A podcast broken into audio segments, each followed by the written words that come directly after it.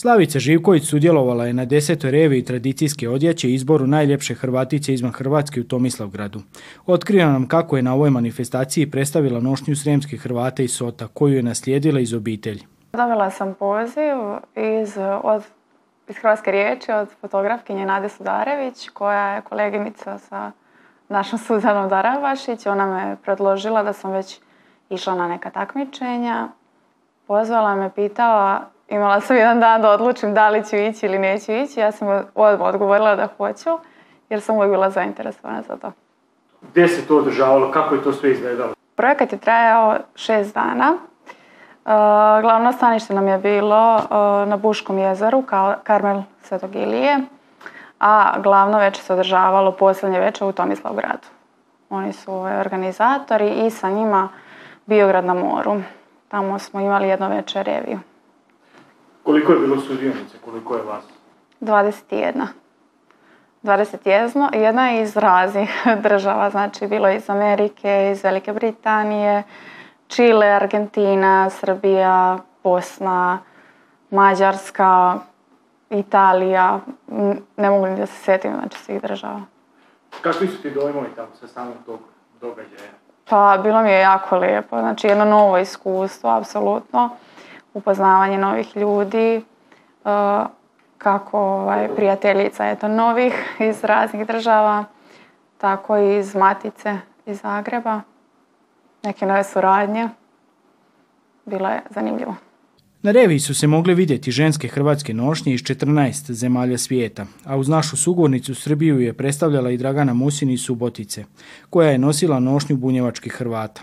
Za mene nije izazov zato što sam navikla na to. E, bilo je takmičenja na kojima sam bila obučena 9 sati u nošnji, bez sedenja, bez svega.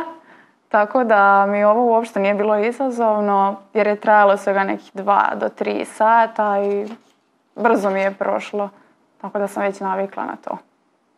Ali, pošto je bilo ovaj, preko leta, bilo je izazovno da se izdrži ta rutina, jer e, dosta slojeva nošnje imam na sebi.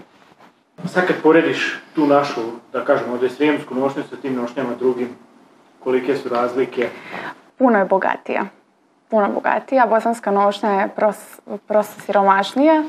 Ovaj, ja sam imala želju dok sam bila tamo da probam i tu, ali evo nismo stigli to. Ovaj, ali puno, puno bogatija i kažem više slojeva svega.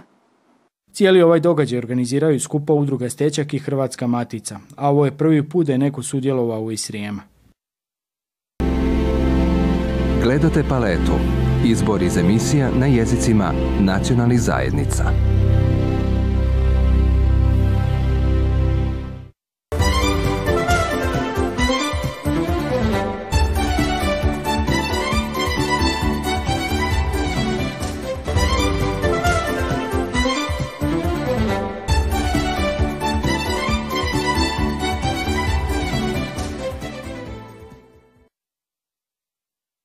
Dužijance bunjevačkih Hrvata na sjeveru Bačke plijen bogatstvom običaja, ljepotom nošnje i ukrasa na sudionicima manifestacija. Posebno se ističu dekoracije od žita, koje su najvidljivije tijekom održavanja svečanog mimohoda središtem grada. Najbogatije su vijencijama i drugim žitnim ukrasima okićene karuce, u kojima su nositelji slavlja, bandaš i bandašica – Njihova je zato obveza, ali i čast, biti domaćinom čišćenja žita i pletenja vijenaca za svečani trenutak prolaska karucama kroz centar grada. Pa naš je zadatak bio da mi e, ove godine očistimo i ispletemo žito koje će ići na naša karuca za gradsku dužijancu. I mi smo tu ispleli vinac koji će ići e, na karuca i ove kraće koji će ići na, e, na točkove. Žitni ukrasi nastaju tjedan do dva prije dužijance i to na način kao i kada su se žetvene svečanosti počele slaviti prije više od sto godina. Pa pletenje vinca u suštini to je sastavljanje E, klasova u jednu pletenicu koju idemo na principu slaganja kao kosu kad pletemo riblju kost. Sada evo trenutno dodajemo po 8 klasova. Trenutno izrađujemo krunu. E, dodaje se po 8 klasova puta 3. I od toga sastavljamo pletenicu i posle kačimo na krunu e, najbitnije je tu stezanje tehnika je tu ovaj, e, slaganje i stezanje. Bitno je da su klasovi složeni, e, bitno je da se stegne vinac i da imamo na kraju, kada bi okrenuli vinac od žita, imamo na kraju lepu pletenicu. Kod nas je sada bilo 50 e, ljudi u smeni i to je, moram reći, rekord. i, za tri dana, evo, danas je završnica, tako da samo pletenje isto dosta dugo traje i za neka dva metra treba nam sigurno jedno sat vremena ako je ekipa dobra, ako se brzo dodaju i ako e, su nam pletači dobri, a dobri su. Tako da ovaj, ima posla i dugo traje, moram priznati. Ali evo, uz ljude, društvo i brzo je to i niklo. Ovogodišnja Subotička družijanca bit će priređena 13. kolovoza, kada će se na pretposljednjima i posljednjim karucama u povorci vidjeti umjeće sudionika tradicionalnog čišćenja žita i pletenja vijenaca.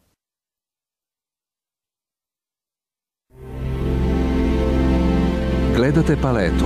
Izbor iz emisija na jezicima nacionalnih zajednica.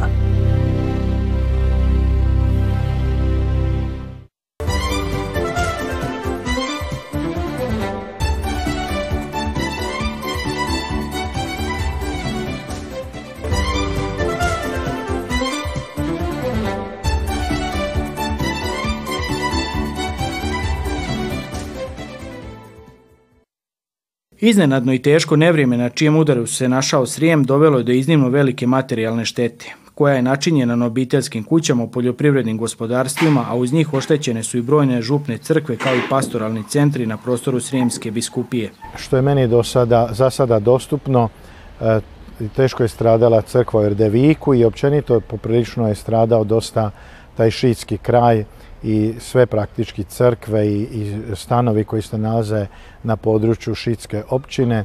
A onda eh, ono što znamo, Golubinci, osim krova eh, župne crkve, stradao i župni stan, pastalni centar, zatim eh, drveće koje se izvalilo u dvorištu pa je čak oštetilo jedan od vitraja koji su vrlo dragoceni jer su umjetnička dijela, ali su svakako i skupi pa je to i veća materijalna šteta. Međutim, kažem, evo, tu su i druge, druge crkve, Putinci, zatim Petrovaradinski kraj, crkva Svetog Jurija, naš samostan u Petrovaradinu.